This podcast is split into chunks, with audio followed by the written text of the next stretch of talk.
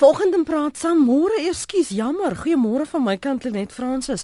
Uh, Johannesburg kyk na bestaande wetgewing om waterverbruik en waterbeperkings deel van huishoudings se waterbestuur te maak. Newcastle en die grootste gedeelte van die Amajuba distriksmunisipaliteit in die noorde van KZN gaan tans swaar gebuk onder droogte toestande. Daar's die ergste droogte uh, sedert 92 in daardie provinsie.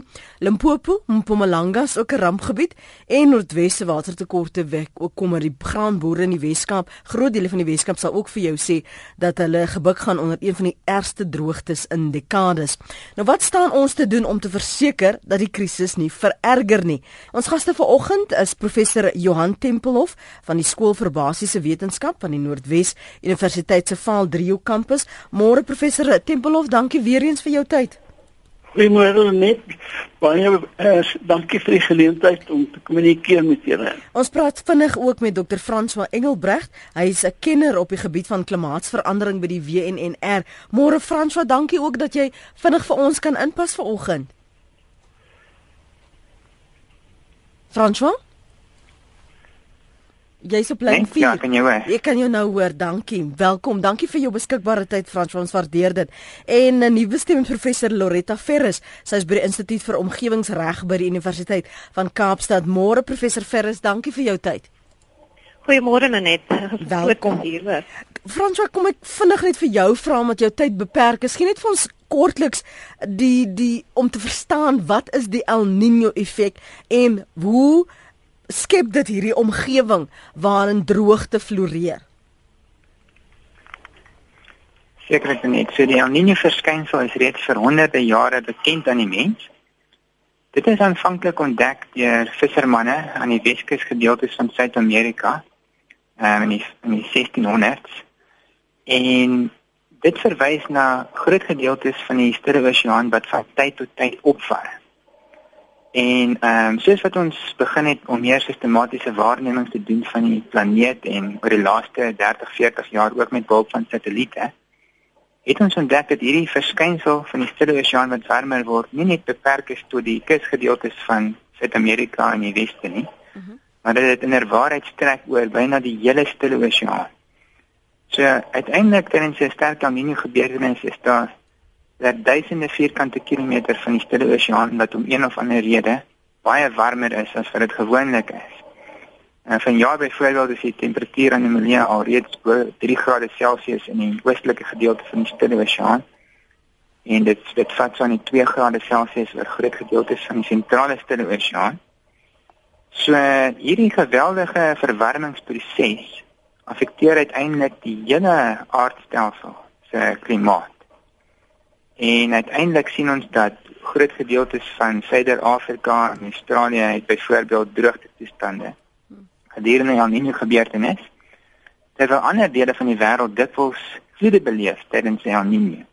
En dit sluit in groot gedeeltes van uh, Tanzanië en Kenia, ook gedeeltes van Suid-Amerika in die weste en ook oor Noord-Amerika in die, in die weste, byvoorbeeld oor Kalifornië. So dit is werklik 'n verskynsel wat die byna die hele aardbol se weer affekteer. Mm. Nou hier in 2015 het ons nie net hierdie besondere sterk El Niño nie, maar ons het natuurlik ook die effekte van aardverwarming wat sistematiese toenames in die wêreldwye temperatuur veroorsaak. En 2015 is op koers om met gemak die warmste jaar te wees wat nog ooit deur die mens gemeet is. So in, in 150 jaar van metings is hierdie die warmste jaar nog. En dit is deels te beskryf aan die sistematiese verwarming van die planeet wat ons nou almal weet globale verwarming genoem word. Mm -hmm. En is deels te beskryf aan die El Niño verskynsel.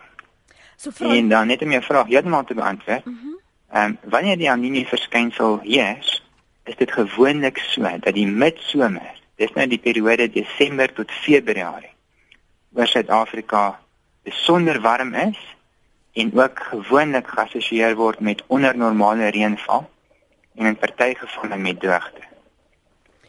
Daar word die hele tyd gespekuleer van voorbereiding en en en wat die toekoms inhou, veral die graanboere en ons uh, boere in die Wes-Kaap en in KwaZulu-Natal, ek weet in die Vrystaat veral. So uh, die beplanning wat uh, wat hulle kan maak vir hoe lank gaan hierdie effek of die verskynsel nog duur? Um as jy kyk na toekomstige patrone en droogtes en en selfs vloede, François. Ja, gelukkig die die die een goeie ding wat wat daar uit die El Niño verskynsel kom, is dat dit 'n uh, verskynsel is wat baie goed waargeneem kan word en die effekte daarvan kan gewoonlik betroubaar voorspel word. Maar miskien net een punt wat ek kan noem voor ek net praat oor die vooruitsig vir die seisoen is dat ons is natuurlik nou al reeds in 'n droogte toestand soos wat ons almal weet. Mm -hmm. So in terme van reënvalsyfers is as ons in 'n toestand van matige droogte byna dwars oor die land. En dan party gebiede is in 'n toestand van ernstige droogte, byvoorbeeld noordelike KwaZulu-Natal en suidelike Mpumalanga en klein gedeeltes van Limpopo noordwes in die Vrystaat. Nou, dit is omdat die afgelope 2 seisoene se reënval, as ons na die syfers kyk, was onder normaal, twee seisoene in 'n ry oor groot gedeeltes van die somerreënvalgebied. So vanaf hierdie bestaande toestand van droogte wat nie werklik eers deur El Niño veroorsaak was nie, want daar was maar net 'n ligte of 'n swakkerige El Niño verlede jaar. Mm. Maar vanuit hierdie bestaande droogte toestand beweeg ons nou in die somer in en die vooruitsigte is dat hierdie bestaande groot El Niño verskynsel nou weer eens na alle waarskynlikheid gaan lei tot ondernormale reënval oor 'n groot deel van die somerreënvalgebied. So ons boere in Suid-Afrika is natuurlik gewoond aan wat ons noem klimaatvariasie. So ek dink die die goed gevestigde boere het natuurlik al baie deur baie El Niño gebeurtenisse geleef en ook deur die La Niña gebeurtenisse wat soms daarop volg. So ten, ten minste hulle 'n mate van ervaring om te beplan wanneer ons weet dat die reënval waarskynlik onder normaal gaan wees. Natuurlik raak dit baie moeiliker om vir 'n derde seisoen in 'n ry onder normale reënval te hê en steeds die boerdery aan die gang te hou. Ehm um, maar verder wat die vooruitsig betref, ehm um, die weermodelle voorspel dat hierdie El Niño gaan voortduur na alle waarskynlikheid tot in ons herfs van volgende jaar. En wat in die die volgende somer, die, die somer van 2016-17 gaan gebeur, kan ons nie in hierdie stadium sê nie want dat die wetenskap is ongelukkig nie so goed -hmm. dat ons so diep in die toekoms in kan voorspel nie. Maar wat ons wel sien is dat dit gebeur dikwels, nie altyd nie, maar dikwels dat 'n El Niño gebeurtenis gevolg word deur 'n La Niña gebeurtenis. En die La Niña is wanneer die koue wanneer die sterre oseaan onder normale temperatuur het oor 'n groot gebied en dikwels bring die La Niña bo normale reënval na Suid-Afrika. So daar's geen waarborg dat dit geval geval gaan wees nie. Maar ten minste is daar die vooruitsig dat ons volgende somer dalk normaal of selfs bo normale reënval kan hê. Baie baie dankie vir jou tyd vanoggend. Uh, dit was 'n uh, Dr. François Engelbreg. Hy's by die WNR kenner op die gebied van klimaatsverandering. Jy luister na Praat Saam, weekoggende 8 tot 9. Professor Johan Tempelhof en professor Loretta Ferris het intussen geluister na wat uh, eh, Dr. François Engelbrecht gesê het oor die verskynsel, die El Niña en El Niño en die klimaatsvariasie wat ons ervaar. Die laaste keer toe ons gepraat het professor Tempelhof was ek dink Junie, Julie iewers. Toe praat ons oor 'n moontlike krisis. Nou is dit 'n krisis. Baie van ons provinsies wat alreeds tot rampgebiede verklaar is. Hoe vergelyk die droogtes wat en dit wat ons nou sien met wat ons al voorheen ervaar het daar in die 70s of vroeë 80s. Ehm um, weet julle net mense kan dit eintlik verder terugvoer. Ek as ons praat van eh uh, droogtes en die wyse waarop ons binne die uh, staatsbesef van Suid-Afrika op droogtes gere, uh, gereageer het, kan ons teruggaan na die begin van die 20ste eeu toe in die 1920s die regering 'n uh, 'n uh, kommissie na droogte aangestel het om die droogte verskynsel in Suid-Afrika te bespreek. En hulle voorstel het daarop neergekom dat daar meer aandag gegee moet word aan 'n uh, opstoorgeriewe van water en dit het aanleiding gegee tot die konstruksie van damme en natuurlik die uitbou van Suid-Afrika se besproeiings uh nywerheid. Uh dit is uh, een van die grootste gebruikers van water en die staat het konsekwent baie geld belê in die ontwikkeling van 'n uh, besproeiingsskemas in die uh, uh, in die 20ste eeu tot letterlik die helfte van die 20ste eeu. Van die 50er jare af het die klem in waterbestuur en die hantering van droogtes oorgeskuif na uh, die inkorporering van die nywerheid. Mhm. Want Suid-Afrika het 'n snelle tydperk van 'n uh, 'n nywerheidsontwikkeling deurgemaak. En nou in die 90er jare het ons 'n nuwe rigting ingeslaan waar dit nie meer gaan oor jy bestuur die omgewing nie uh, uh, uh, ons het begin om meer te beweeg in die rigting van jy werk saam met die omgewing in die bestuur van die uh, omgewing. So dis nie omgewingsingenieurswese wat ons behoort te bedryf nie. Ons moet 'n uh, 'n uh, 'n uh, uh, veerkragtige saamleef met die omgewing hanteer. En dit is waar geïntegreerde waterbestuur tans aan die orde is en dit is waar uh, ingenieurs en omgewingswetenskaplikes besig is om kop te klap om te kyk hoe ons die beste uh, kan maak uit hierdie. Maar kan ek net noem wat ons mee sit is ons sit nou met 'n tipiese verskynsel van ehm um, omgewingsvlugtelinge wat van die landelike gebiede sal trek na die stedelike gebiede omdat hulle nie kan voortleef uh, in landelike omgewings nie. Ons dink aan boerende gemeenskappe waar uh, plaaseienaars van uh, werkers ontslae sou moet raak um, en waar plaaseienaars wat nie hulle uh, bedrywe behoorlik kan hanteer nie verplig sal word om te uh, te ontruim in in die stede heenkome te gaan soek. En dit is 'n verskynsel wat ek dink grootliks ook as gevolg van klimaatsverandering uh, in Suid uh, Suid uh, Afrika suid van die Sahara aan die orde is. Ons het tans 'n verstedelingstendens van so nagenoeg uh, 9 tot 12% per jaar van die bevolking suid van die Sahara wat na die stede toe trek.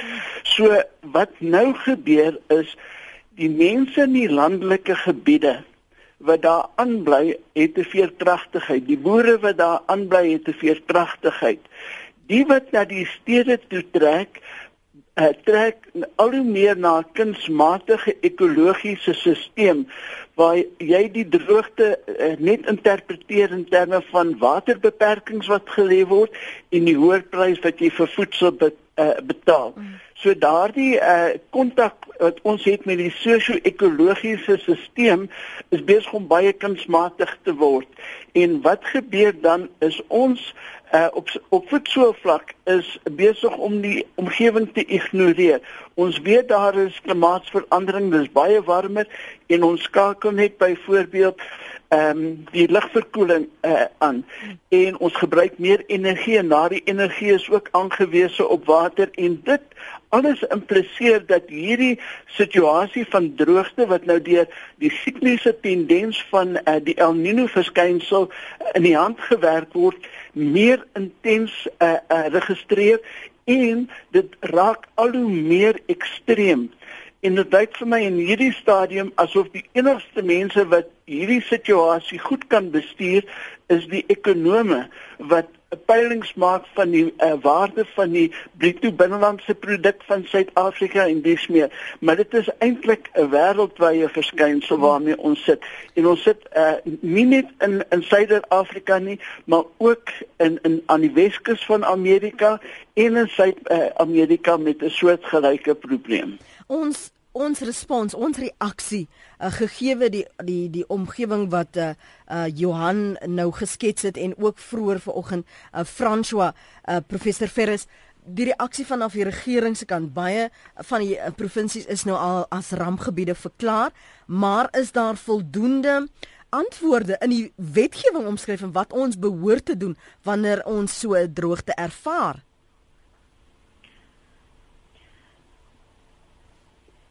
Lorita? Hallo, ja, ek het vir 'n oomblik was jy weg gewees. O, ekskuus. Weet weet jy, ehm um, as ons as ons 'n droogte verklaar, dan gaan ons in in rampbestuur in, reg? Mm -hmm. En en die wetgewing gee vir die regering daai mag om om rampgebiede te verklaar, soos wat ons nou begin sien.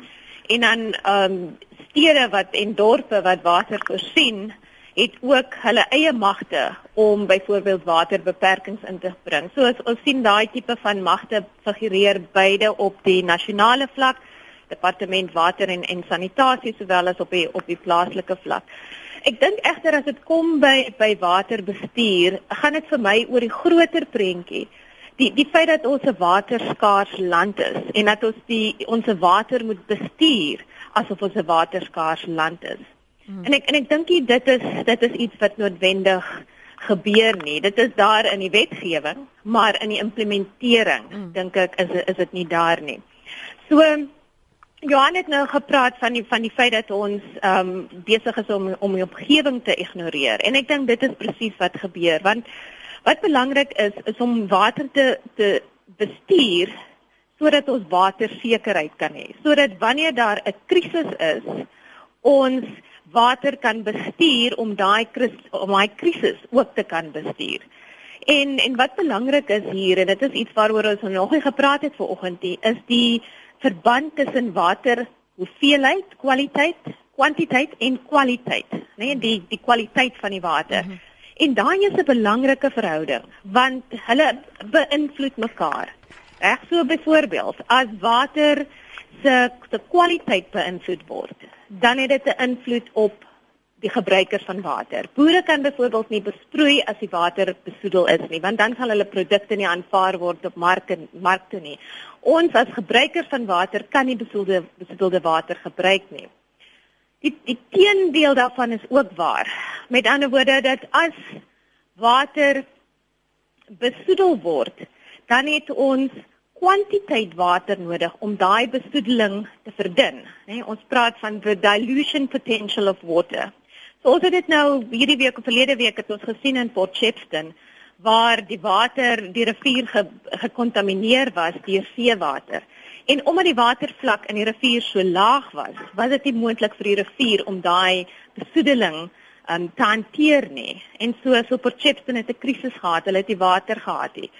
So en dit is waarin dit is waarin ons nou beweeg. Omdat ons nie ons kwaliteit goed bestuur nie sit ons nou in 'n erger krisis omdat ons nou min water het hmm. en die en die absorpsie vermoë van ons riviere is nie daar as gevolg van die droogte nie. So so ek dink ons sit met met 'n groter krisis as wat die regering ons tot tot op nou toe erkenning aangegee het. Want ons ons eh, die Engelse praat van ons take ons cues, ons ons reageer na aanleiding van die die leiding wat ons kry van munisipaliteite van provinsiale uh, regering van nasionale regering en wat die wetgewing verlang ons moet doen. En as hulle nie ehm um, vinnig genoeg uh, optree nie, dan gaan ons die ding daar is 'n krisis nie en ons gaan maar uh, verder met ons tra benadering en en ons gaan beslis nie wil water bes, bespaar en, en beter bestuur nie want ons glo nie daar's 'n krisis nie. Nou hoor ons daar is 'n krisis.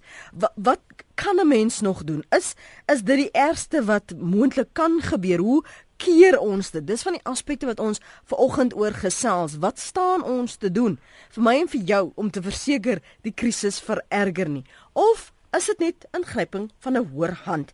Teens, jy's op die lyn, praat gerus met my en die gaste môre in die land. Goeiemôre net en al al, al jou gaste daar. Ehm um, hulle net ek wil net uh vir die professor vra en dit is nou nie 'n skrikvraag nie.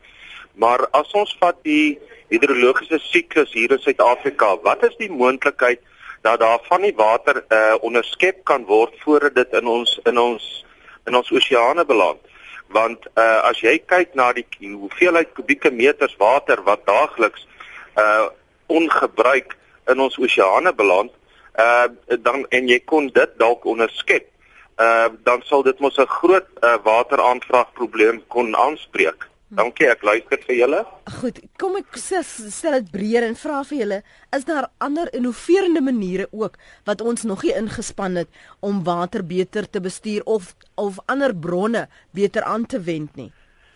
Net ehm um, as jy kyk na die wêreld se daaglikse per capita watergebruik is Australië een van die droogste kontinente, uh, saam met die VSA uh, van die grootste watergebruikers. Ek het gister met uh, meneer François van Wyk gesels van Randwater en hy het vir my daarop gewys dat Uh in baie dele van Australië gebruik die mense gemiddeld per capita 1300 liter water terwyl ons hierso in Suid-Afrika gemiddeld ehm um, so 300 liter water gebruik uh, per dag per persoon. Nou ehm um, wat gebeur in Australië en in Suidoos-Asië het hulle al met omvangryke biofiltreringsstelsels ge, uh, begin. En um, wat gebeur is hulle vang stormwater op veral in jou hoogs ontwikkelde stedelike gemeenskappe as gevolg van die hitte wat uitstraal is die geneigtheid dat reënwater baie uh, die gebiede baie meer reën kry as die gebiede wat byvoorbeeld nie baie teerpaaie en 'n uh, betonoppervlaktes het nie. Gevolglik uh, begin hulle nou daardie water opvang en dit gaan in stormwaterpypleidings af wat gekanaliseer word na reservoirs toe wat uh, uh die water onderweg na die reservoir reeds begin uh syfer en skoonmaak. So wat jy dan uh doen is jy kry aan die einde van 'n reënstorm kry jy skoon drinkwater wat jy dadelik inskakel by jou bestaande uh watervoorraad en jy kan dit so ontwikkel. Dit is een manier waarop ons uh, uh, uh daadwerklik kan voorkom dat uh onbenutte water sonder meer net in die see inloop maar ek dink dit is ook belangrik dat ons kennis neem dat dit belangrik is om daardie natuurlike stroom te hê so wat nou by Port Shepstone gebeur het.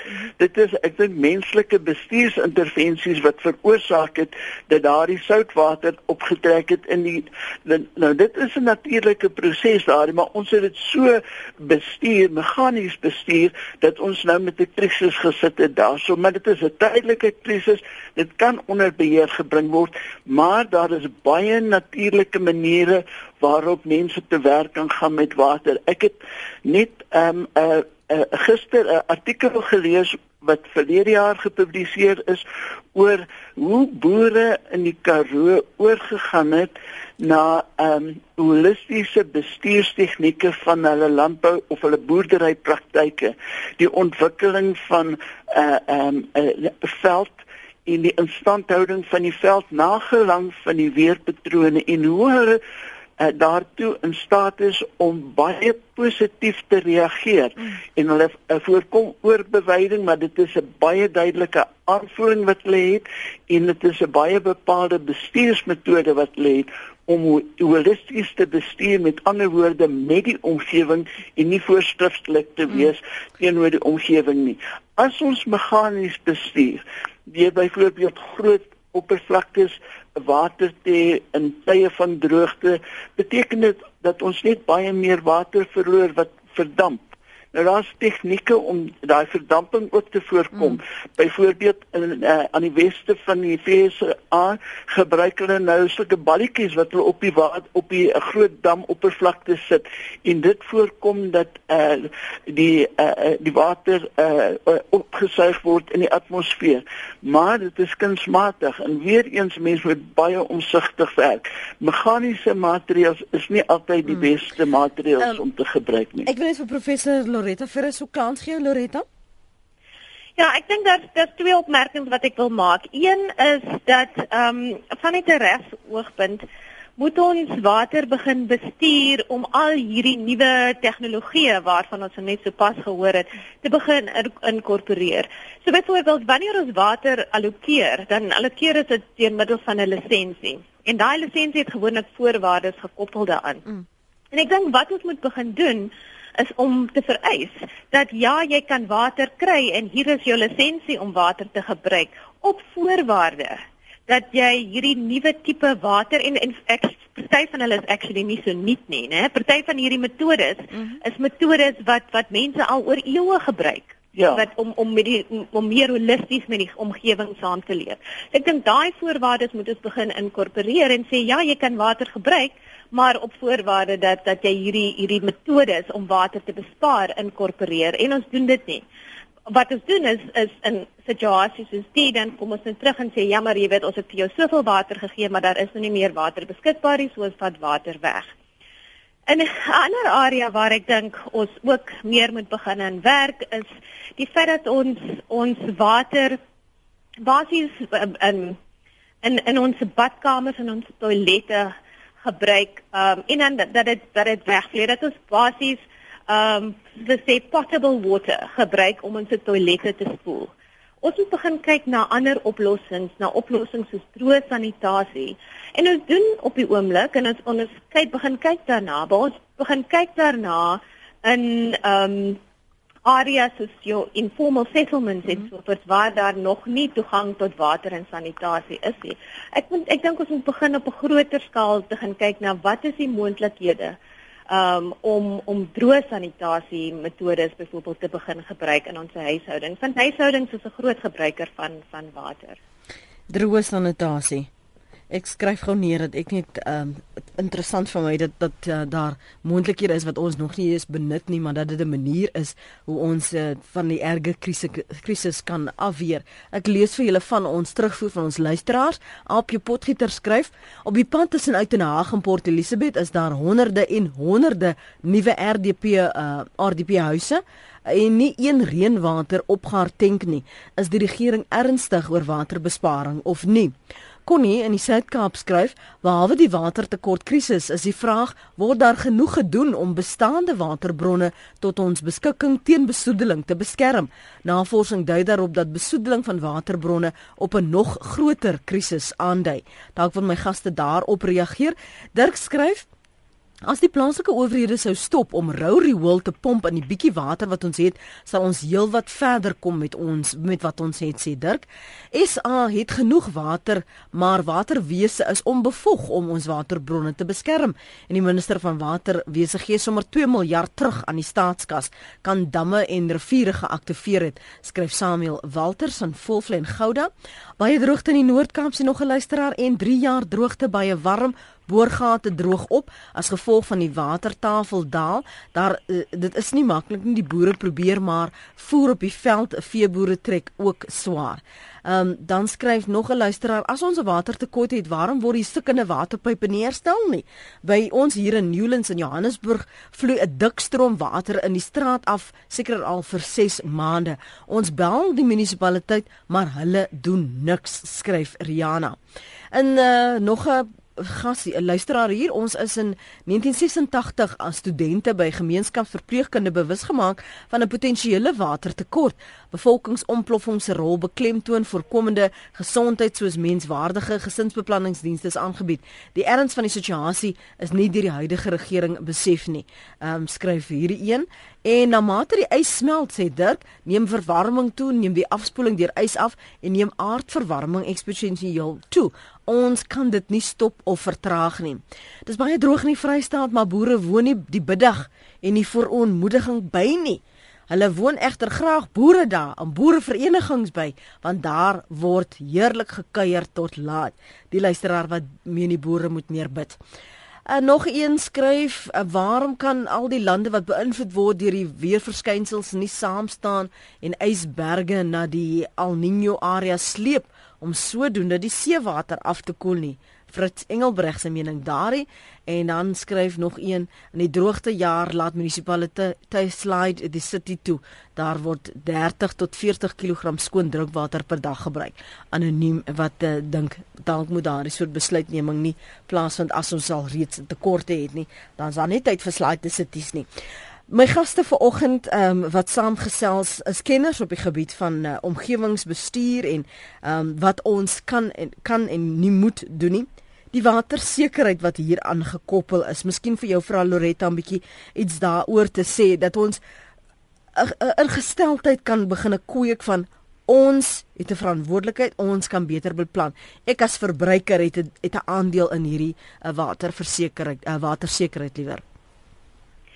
Ja, weet julle net ons ons waterbeleid praat daaroor dat ons Ehm um, daar's 'n hele paar beginsels uit uiteengesit in die beleid en die, en dit praat daaroor dat ons genoeg water moet hê vir almal vir ewig. Net so dit dit praat oor die feit dat daar in nageslagte moet ook water hê. So dit beteken daar's 'n verantwoordelikheid op ons almal oor hoe ons water bestuur. Want want as gebruikers van water is ons ook bestuurders van water. Want ons het beheer oor water. Ons het beheer oor wanneer ons 'n ehm um, krane oopmaak, wanneer ons ons swembade oopmaak, wanneer ons ehm um, tuine nat maak en so voort. Ehm um, en dan is daar natuurlik die groter verbruikers, die boere, né? Die boere gebruik 60% van ons water. En dan is daar nywerhede, ehm um, wat wat ook groot gebruikers is. Myne byvoorbeeld gebruik 2.5% van ons water, maar ehm um, hulle is groot besoedelaars van water. So so dit gaan oor jy's absoluut reg, dit gaan oor ons ingesteldheid en en hoe ons ons daai water gebruik. So daar is daai baie groot verantwoordelikheid op ons almal. Ehm um, van jou luisteraars het gepraat oor het het bietjie teruggekom na hierdie hierdie ehm um, verband tussen kwaliteit en en kwantiteit wat praat oor die besoedeling van water. En ek dink dit dit dit is 'n groot probleem want ehm um, ons sien dat ek dink die twee grootste probleme op die oomblik is watersuiwering en en uh, um, afvalsuiwering. Ons uh, wastewater treatment works soos, soos dit in Engels bekend staan. En die feit dat dit nie goed bestuur word in in alle stede nie. Dit is 'n groot probleem en dit is 'n probleem wat ons nou al vir jare het um met riool wat wat in ons in ons riviere gestort word wat weer 'n impak het byvoorbeeld op op um besproeiing en wat impak het op kossekerheid. Ehm um, en dan ook iemand het gepraat van infrastruktuur wat nie herstel word nie. En ek dink ons moet begin begin kyk daarna en ek dink as ook ons as as ehm um, inwoners van dorpe moet druk uitoefen en on, om om seker te maak dat dat hierdie goed reg bestuur word want dit het impak op die op die ouens soort van down the line. Mm. Ja, ek weet nou nie dis Annetjie wat skryf die meeste water word op bouprojekte gebruik al die opkomende winkelsentrums dink hulle moet dit begin stop genoeg daar's genoeg winkels in die land sê Annetjie hierso. Ehm um, nog 'n luisteraar wat sy bekommernis deel is Pieter wat sê by Stilfontein loop die waterreservoirs tot 3 keer per week oor. Uh, dit is altyd vir my ehm um, ek ek ek voel so half gegrief wanneer ek hoor dat die regering vra aan die een kant ons moet ons deel doen. Maar dan doen hulle nie hulle deel nie professor Tempelhof. En ek weet daar is soveel inisiatiewe en ons is ook skuldig. Ek dink ons ons um, misbruik ook die water van tyd tot tyd en daar is watertekorte. Ons ignoreer dit omdat ons die hele tyd dink maar daar gaan môre water wees. Die werklikheid is daar gaan dalk nie wees nie. Ehm um, net wanneer jy 'n uh, droogte het, dan uh, skep dit outomaties ruimte vir politieke konflik. Uh, in die FSA op die oomblik is die republikeine besig om 'n uh, liberaal die demokratiese uh, party aan te val in in deelstate waar die demokrate in beheer is en hulle sê dat hierdie liberale bestuurstegnieke wat hulle toepas ehm um, is uh vernietigend en dan moet meer damme gebou word. So jy kry 'n bepaalde ideologiese skeiding wat uh, van selfsprekend na vore kom in 'n tyd van 'n uh, omgewingskrisis. Dit is 'n eksterne faktor. Dis die omgewing, uh die natuur wat eintlik met die mens praat en die mens reageer daarop na uh, na aanleiding van hoe hy die werklikheid sien of hy of sy die werklikheid sien. Wat dan gebeur is jy kry partydigheid wat na vore kom. Nou as enige regering oordeelkundig wil werk Wat hy dan sal doen is hy sal probeer om die gemeenskap, die samelewing saam te trek en deelvennote te maak in hierdie krisis waarmee uh hulle gekonfronteer word. En jy werk uh, in die rigting om nie uh mense van jou te distansieer nie en, en jy probeer om daardie politieke verdeeldhede uh, uh, uh tersyde te stel en die omgewing in Suid-Afrika is een van daardie terreine waar jy byvoorbeeld rasse vooroordeel op die agtergrond kan skuif en jy kan sê kom ons kyk gesamentlik na hierdie krisis waarmee ons worstel. Kan ek 'n voorbeeld gee? In die 60er jare het ons een van die ergste droogtes gehad in moderne tye. Randwater het byvoorbeeld uh in 1920 laaswaterbeperkings gehad en van 1960 af het hulle weer vir die eerste keer in 40 jaar begin om waterbeperkings in te stel. Maar wat toe gebeur het is die regering het proaktief te werk gegaan. Hy het 'n hele klomp 'n groot damprojekte uh, in in 'n uh, rivieropvanggebiede gehad, maar terselfdertyd het hy 'n uh, opdrag gegee dat baie meer navorsing gedoen word en die departement waterwese het absoluut uit sy nate uitgebas uh, met die ingenieurs en uh, wetenskaplikes wat in diens van waterwese begin het om 'n uh, uh, uh, baanbrekerswerk op die terrein van waternavorsing te doen. Die gevolg was dat in 1966 het die regering 'n kommissie van ondersoek aangestel uh, om uh, verslag te doen oor hoe Suid-Afrika te werk moet gaan om 'n krisis soos 'n um, 'n droogte die hoog te bied. 'n uh, hoof te bied. In 1970 het hulle uh, hulle verslag uitgebring en onder meer is voorgestel dat ons die Waternavorsingskommissie stig. Nou die Waternavorsingskommissie is tans uh, onder die 17 voorste waternavorsingsinstellings ter wêreld. -hmm. En dit is alles Suid-Afrikaanse kundigheid wat ons daar daar ontgin het. Nou wat gebeur het ook as mens terugkyk na die geskiedenis in 1970 71 het ons 'n waterjaar gehad en mense is bewus gemaak van water. En weet jy daar's 'n boek wat Eva Venter geskryf het vir die departement waterwese en dit was allerlei volkswyshede oor hoe mense met water 'n interaksie gehad het en meer soortgelyke goed het uitgekom in die populêre lit literatuur en die samelewing het bewus geword van die intrinsieke probleem wat ons het met water. En dit moet 'n behoorte lewenswyse te word en as jy mense kry wat inkoop, dan uh, skep jy 'n plaaslike solidariteit. Ehm um, wanneer jy met jou gemeenskap kommunikeer oor waterbesparing, oor besoedeling en daardie tipe van ding, kan jy behoort die plaaslike owerheid eers met hulle in gesprek te tree en te sê kyk ons het hierdie krisis, kom ons kyk of ons dit die hoof kan bied. En natuurlik die bestuur van rioolstelsels is, is van kardinale belang want daar's altyd 'n gebruikerstroom af.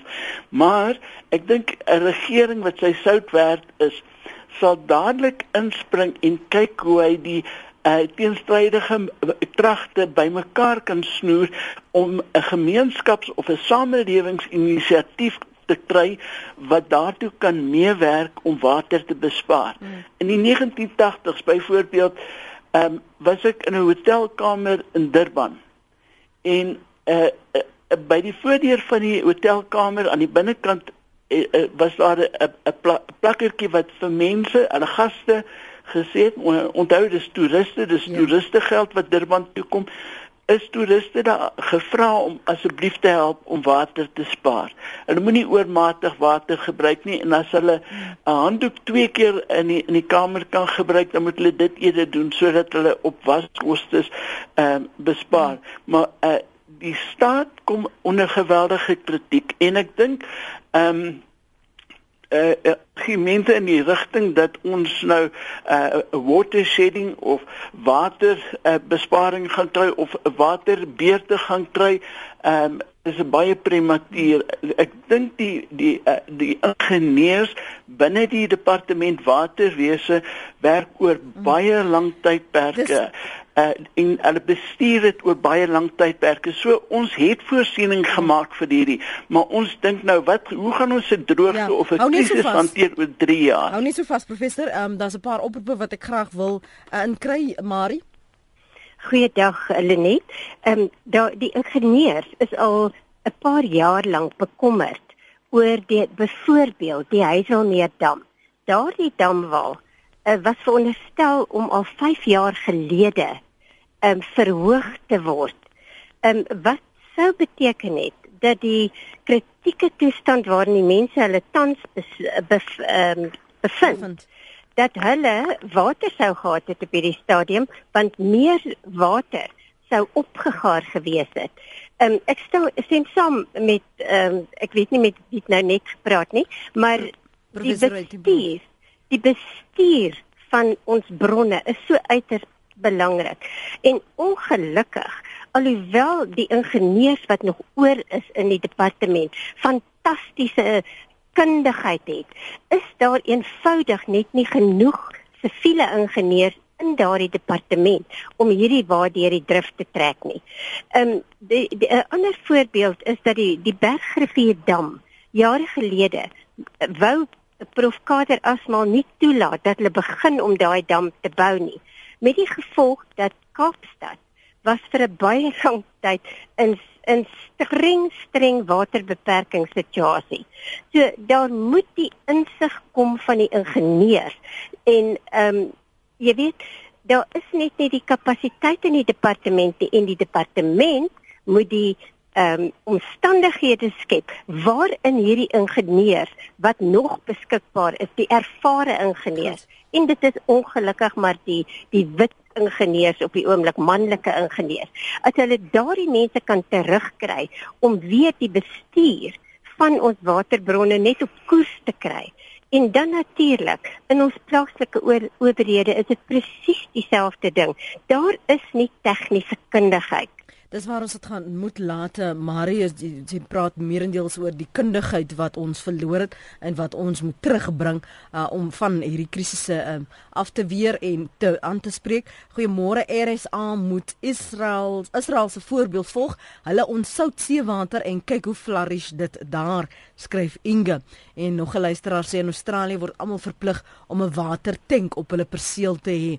Um, ons staan einde se kant Loretta, miskien net vir jou vir dat die vennootskap nou tussen Denemarke en Suid-Afrika wat hulle nou vir Suid-Afrika gaan help met ons watervoorsieningsprobleme. Wat, wat behels dit? Hoe help hulle ons en en wat wat is ons wat gee ons terug?